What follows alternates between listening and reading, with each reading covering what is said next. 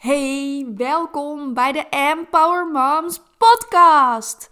Mijn naam is Maaike Hendricks. Ik ben psycholoog en bevallingsexpert en ik help moeders bij het verwerken van een heftige ervaring rondom de zwangerschap, bevalling of de tijd daarna. En daarnaast begeleid ik ze ook naar het stukje ontspannen moederschap, vooral in het eerste jaar na de geboorte. Een roze wolk, bestaat die eigenlijk wel? Dit is wat ik me afgelopen week afvroeg. Want ik werk zelf natuurlijk met moeders die eigenlijk niet op die roze wolk zitten. Ik hoor heel veel negatieve verhalen dat het best wel zwaar kan zijn, dat ze andere verwachtingen hadden, dat er bepaalde dingen niet gaan zoals ze wilden, dat ze iets heftigs hebben meegemaakt. En daardoor kan het zijn dat mijn beeld ook wat verkleurd is. Dus wat heb ik gedaan? Ik heb gisteren een polletje eruit gegooid op Instagram Stories met de vraag: Heb jij een roze wolk ervaren na jouw bevalling? En eigenlijk bevestigt deze poll wel een beetje wat ik dacht. 11% geeft namelijk aan dat ze juist wel een roze wolk hebben ervaren. Dat ze echt op die felroze wolk hebben gezeten. Dat het allemaal heel erg leuk was. Dat ze echt van alles hebben genoten. 52% gaf aan dat het soms een roze wolk was, maar soms ook een donkerblauwe of een grijze wolk. Dat dat best wel verschilde. En 37% van de mensen gaf aan dat ze absoluut niet op een roze wolk hebben gezeten. Dus eigenlijk heeft maar 11% van de mensen die gereageerd hebben in mijn stories echt op die roze wolk gezeten. Ik weet nou niet of dit eh, echt representatief is voor de hele samenleving. Dat denk ik niet. Ik denk dat de doelgroep wat te klein is om hier echt representatieve resultaten uit te halen. Maar eigenlijk bevestigt dit dus wel wat ik denk. En daardoor ging ik ook nadenken van waarom wordt er dan zo vaak gepraat over die roze wolk?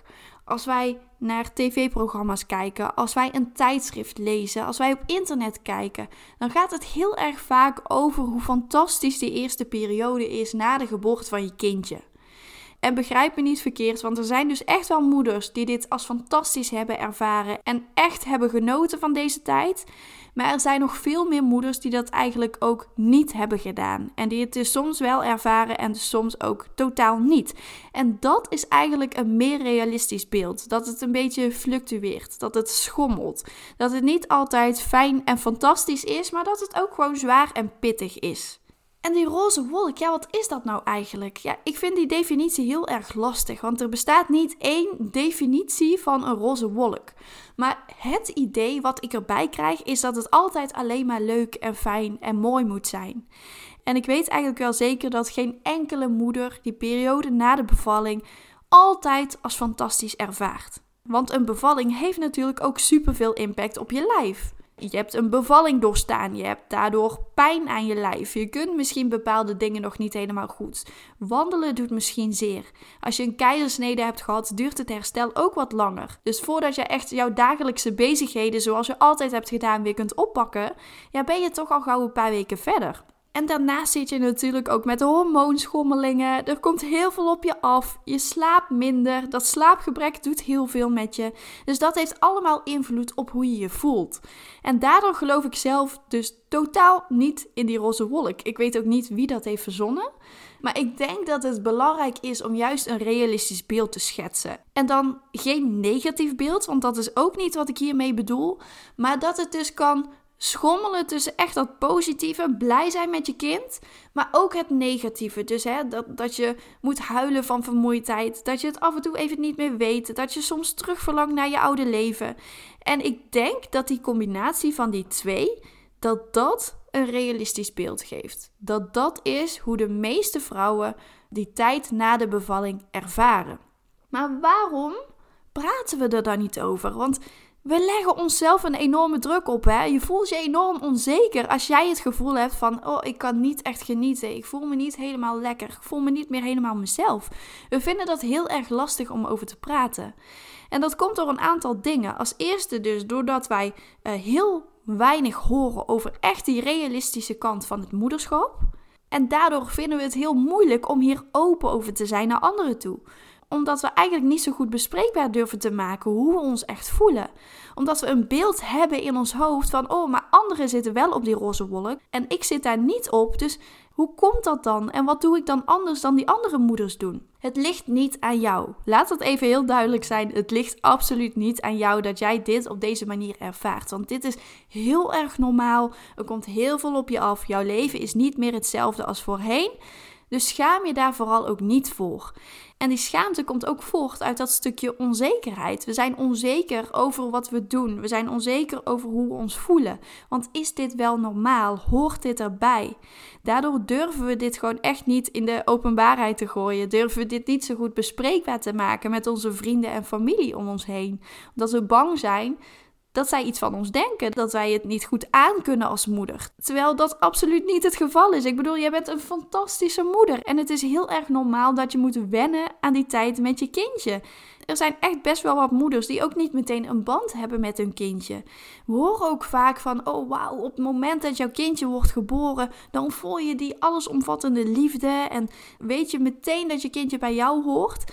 Sommige moeders ervaren dat inderdaad, maar er zijn ook wel wat moeders bij wie die band groeit. Omdat je elkaar nog niet zo goed kent, je moet elkaar leren kennen. En dat is heel erg normaal en dat hoort erbij. En ook hier wordt heel weinig over gesproken.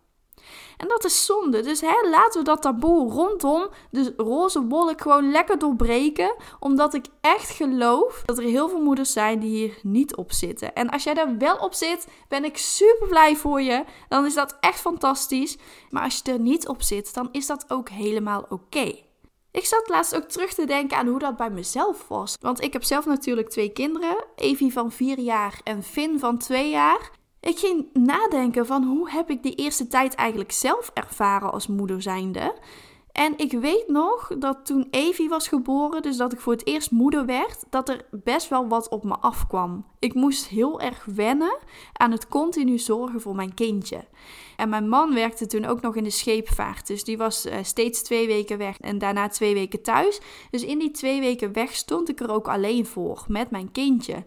Ik vond dat best wel intens om dan alles twee weken lang alleen te doen. En ik weet nog dat ik hem op een gegeven moment had gebeld en gezegd van, oh, ik kan gewoon niet opstaan om drinken te pakken, want ze is zo onrustig en dan gaat ze meteen huilen en ze wil continu bij me liggen en ik heb geen vrijheid en ik weet niet wat ik moet. En mijn partner zei gewoon doodleuk van, ja, dan leg je het toch even aan de kant als je dorst hebt, dan ga je toch drinken halen. En toen dacht ik van, ja, maar waar ben ik eigenlijk mee bezig? Dit slaat gewoon helemaal nergens op. Natuurlijk kan ik mijn kindje even in de box leggen om zelf iets te drinken te halen. Maar op dat moment was dat een stap te ver of zo, omdat ik dus zo bezig was met haar behoeftes en dat ze niet ging huilen en of zij het allemaal wel naar de zin had, dat ik dus mijn eigen behoeftes compleet vergat en dat niet op nummer 1 zette. Terwijl hè, wat drinken halen als je zelf dorst hebt, dat is gewoon heel logisch om te doen. Dus dat was eigenlijk wel een goede reality check van oké, maar waar ben ik nu eigenlijk mee bezig? Want ik ben er ook nog en het draait niet allemaal om mijn kind. Mijn kind is natuurlijk super belangrijk, maar ik ben ook belangrijk. En als ik daar nu aan terugdenk, dan denk ik, ja, die eerste tijd heb ik voornamelijk mijn kindje op nummer 1 gezet. En dat zou ik nu absoluut niet weer doen. Natuurlijk zou ik er zijn voor mijn kind en hem of haar voldoende aandacht geven en alles geven wat hij nodig heeft. Maar ik zou ook goed kijken naar wat ik zelf nodig heb en daaraan gaan voldoen. Want hè, als jij constant bezig bent met het zorgen voor anderen en constant bezig bent met wat je allemaal moet doen voor je kindje, ja, dan vergeet je jezelf compleet. Dan heb je ook geen tijd meer om op te laden. Ben je de hele dag druk bezig. En dat ga je wel op de korte termijn volhouden, maar uiteindelijk hè, hou je dat gewoon niet vol. En zul je merken dat je somber wordt, dat je een korter lontje krijgt, dat je het allemaal minder goed volhoudt. Dus of ik zelf die roze wolk heb ervaren bij Evie, nee, ik denk het niet. Het was vooral zoeken naar hoe kan ik alles het beste aanpakken? Hoe zorg ik ervoor dat ik mezelf niet verlies? Hoe zorg ik voor die hè, fijne balans tussen mijn werk, mijn gezin en mezelf? Want dat is echt wel een zoektocht. En hoe kan ik ervoor zorgen dat mijn kind ook gelukkig blijft? Die behoeftes moet je leren kennen. Je moet je kindje leren kennen. In het begin weet je ook gewoon nog niet wat zij precies nodig heeft als ze aan het huilen is. En die huiltjes leer je gaandeweg kennen. Dus ik vond dat in het begin best wel een zoektocht.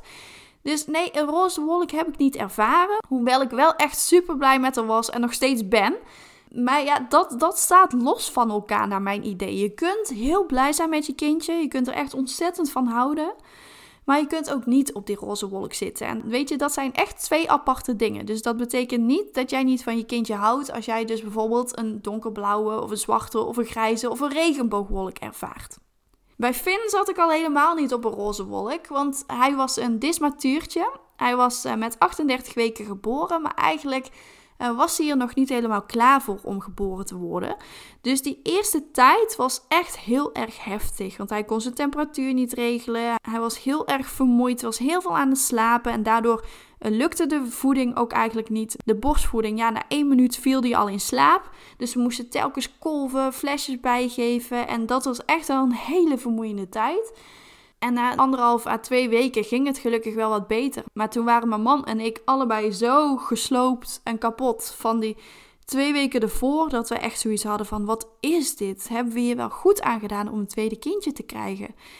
En natuurlijk zijn we super blij met Finn hè? en we zouden hem echt niet weg willen denken. Maar op dat moment heb ik soms echt wel gedacht van waar zijn we aan begonnen? En dat maakte dat ik ook absoluut niet op die roze wolk heb gezeten. Dat het echt wel heel intens is geweest. En vooral met twee kindjes is het al helemaal zoeken naar die balans. Hè, van hoe zorg je ervoor dat je jezelf dan helemaal niet gaat verliezen. Want dan is het nog belangrijker om die tijd voor jezelf te plannen. En ook vond ik het best wel wennen dat er geen baby meer in mijn buik zat. Ik weet niet of jij dat gevoel herkent, maar ik vond het dus heel erg fijn om zwanger te zijn, om die trapjes te voelen, om ja, mijn kindje te voelen bewegen in mijn buik. En dat was echt zo magisch. Ik vond ook echt dat ik een hele mooie buik had. Niet te dik, niet te dun. En toen mijn buik weg was, ja, weet je, na een keizersnede um, ziet het er ook allemaal niet zo uh, mooi meer uit. Dus dat vond ik ook best wel wennen. Van ja, oké, mijn buik is nu leeg. Mijn kindje ligt hier nu op mijn borst. Ik weet niet hoe ik het moet uitleggen, maar dat is gewoon zo'n apart gevoel. Heel blij wel, hè, want je kindje is er. Maar aan de andere kant is er ook dat stukje gemis. Dat gemis dat de zwangerschap voorbij is. Terwijl je op het eind van de zwangerschap ook vaak denkt van... oh, ik kan niet wachten tot mijn kindje is geboren... want ik wil mijn kindje ontmoeten en het wordt allemaal wel wat zwaarder. En op het moment dat je kindje er dan eindelijk is... ja, dan ga je die buik weer missen. Dus dat is eigenlijk zo best wel bizar dat dat zo werkt. Dus dat zorgde er ook eigenlijk voor dat ik een soort van heimwee had naar het zwanger zijn. Ik ben heel benieuwd hoe jij daarover denkt, of jij dat misschien ook hebt ervaren. En ik geloof ook niet dat een roze wolk ook vaker voorkomt bij een volgend kindje, bij een tweede, derde of vierde kindje. Aan de ene kant wordt het natuurlijk ook makkelijker, want je hebt al ervaring met een baby, je weet ongeveer wat je kunt verwachten. Dus je kunt daar beter op inspelen. Maar aan de andere kant blijft het toch altijd een zoektocht. Want ieder kindje is anders. Dus als jouw eerste kindje heel gemakkelijk was en je tweede kindje is een huilbaby, ja, dan is dat ook wel weer een zoektocht. En dat maakt het ook niet makkelijker. Dus ik geloof ook niet dat een roze wolk vaker voorkomt bij een volgend kindje. Ik denk dat het afhankelijk is van meerdere factoren. Bijvoorbeeld hoe jouw zwangerschap en bevalling zijn gegaan. Of jij steun hebt ervaren. Of het is gegaan zoals je wilde. Of je de regie had. Wat is er nog meer gebeurd? Hè? Zijn er eh, belangrijke gebeurtenissen in jouw leven gebeurd? Was jouw kindje gepland of niet? Weet je, alles speelt mee. Hoe is de relatie met je partner? Of sta je er heel veel alleen voor? Dus eigenlijk alles speelt een rol. Dus het is eigenlijk ook niet zo makkelijk te voorspellen of jij wel of niet op die roze wolk komt te zitten. Ik hoop het wel voor jou natuurlijk. Maar als dat niet zo is, weet dan dat het dus echt normaal is. Dat het bij de meeste vrouwen echt niet alleen maar roze geur en maneschijn is. En dat het allemaal fantastisch gaat. Want het is bij de meeste vrouwen echt wel een zoektocht. En dat mag er zijn. Gun jezelf die tijd. Het hoeft ook allemaal niet meteen perfect te zijn. We leggen de lat voor onszelf vaak heel erg hoog, dus probeer die wat lager te leggen. Dat is echt helemaal oké. Heb jij nou het gevoel van, oh, die tijd na de bevalling vind ik best wel intens. Er komt heel veel op me af. Ik ben echt zoekende naar hoe ik mijn leven het beste kan indelen dan heb ik een online programma voor jou. Het Empower Moms Program. Dit is echt het programma voor moeders in het eerste jaar na de geboorte. Alles wat jij wilt weten over die eerste tijd samen met je kindje, ook al is het je tweede, derde of vierde kindje, maakt niet uit. Alles leer jij in dat programma. Bijvoorbeeld over het stukje relaties. Hoe verandert je relatie nou als je een kindje hebt? Hoe zorg je voor een fijne balans tussen je werk, je gezin en jezelf? Hoe pak je die me-time? Wat kun je het beste doen in die me-time? En hoe lang kunnen die momenten het beste duren? Hoe vaak plan je die me-time momenten dan in? En wat kun je het beste vermijden? Hoe versterk je nou die band met je kindje? Hoe zorg je voor die veilige hechting? Ook gaan we het hebben over uh, hoe je energiek en enthousiast blijft, zelfs na gebroken nachten. En nemen we ook de invloed van jouw zwangerschap en bevalling mee, want dat bepaalt echt voor een groot gedeelte hoe jij je voelt in het moederschap. Dus het is echt een compleet programma. Er zijn nog veel meer modules. Als je hier meer over wilt weten, ga dan naar mijn website www.empowermoms.nl slash empower-moms-program. Daar vind je alle informatie en dan kun je je ook aanmelden. Binnenkort wordt het programma ook helemaal vernieuwd. Er komen ook gast masterclasses van experts. Echt heel erg tof.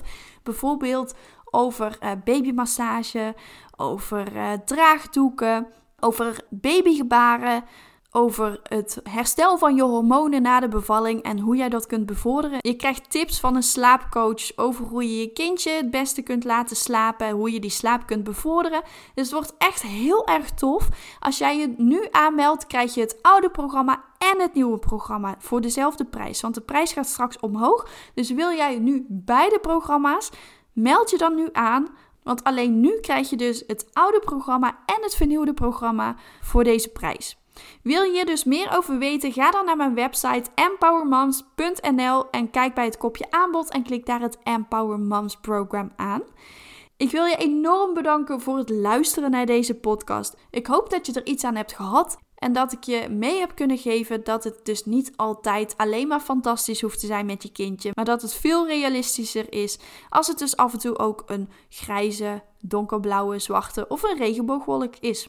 Tot de volgende keer.